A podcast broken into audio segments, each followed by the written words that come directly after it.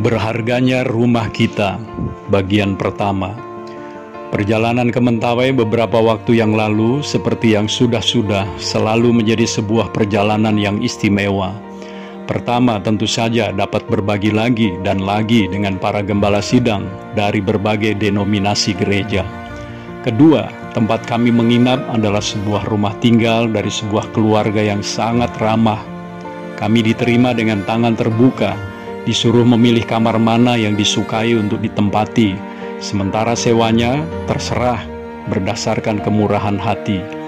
Keramahan dan kemurahan Pak Padi, begitu panggilan Bapak itu, sangat menyentuh. Keesokan paginya ketika bertemu dengan istrinya, kehangatan yang sama saya rasakan.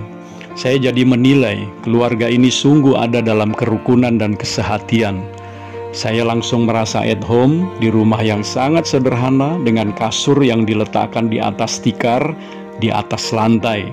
Saya merasa keluarga Bapak ini seperti sebuah keluarga yang sengaja disediakan oleh Allah bagi saya dan teman-teman untuk belajar. Kesan sebagai keluarga dan dianggap keluarga menjadi sangat terasa dan itu membuat saya kembali diteguhkan bahwa keluarga adalah tempat yang Allah sediakan bagi setiap orang entah itu tempat penginapan yang bernuansa keluarga, keluarga rohani, maupun keluarga secara jasmani. Keluarga adalah sebuah rumah yang sangat berharga. Bukankah kelak Tuhan Yesus juga akan menyediakan sebuah rumah bagi kita di sorga, di mana kita akan menjadi keluarganya untuk selama-lamanya? Sebuah rumah atau sebuah keluarga adalah tempat yang sangat berharga di bumi, meskipun tak semua orang menyadarinya. Mengapa keluarga menjadi tempat yang sangat berharga di bumi ini?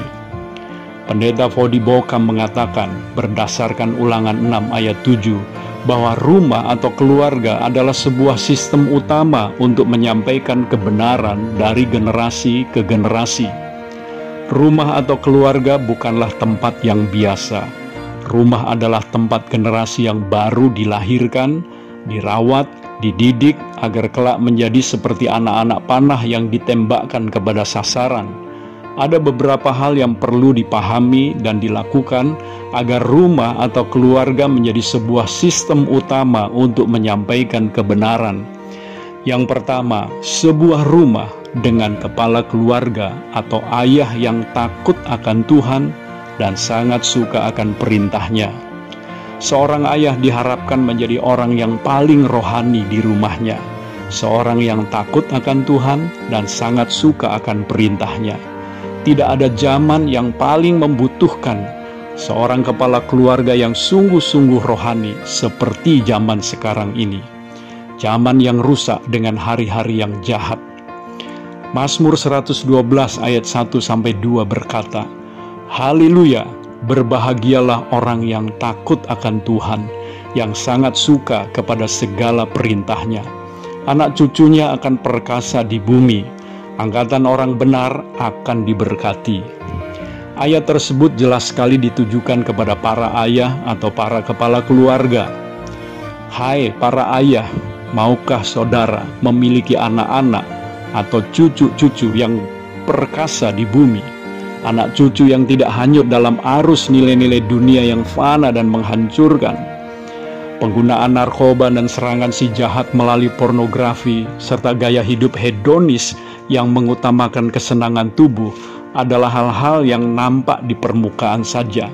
Tetapi jauh di bawah permukaan itu adalah gerakan-gerakan humanisme atau paham zaman baru, New Age Movement, yang tidak mempercayai bahwa Kristus adalah Tuhan dan Juru Selamat satu-satunya. Semua itu dapat menggerus dasar iman anak-anak muda dan membelokkan arah tujuan hidup mereka dari meninggikan Kristus kepada penyembahan berhala. Hanya ayah yang takut akan Tuhan dan sangat suka akan perintahnya dapat membawa keluarganya menjadi benteng perlindungan yang kuat bagi anak cucunya.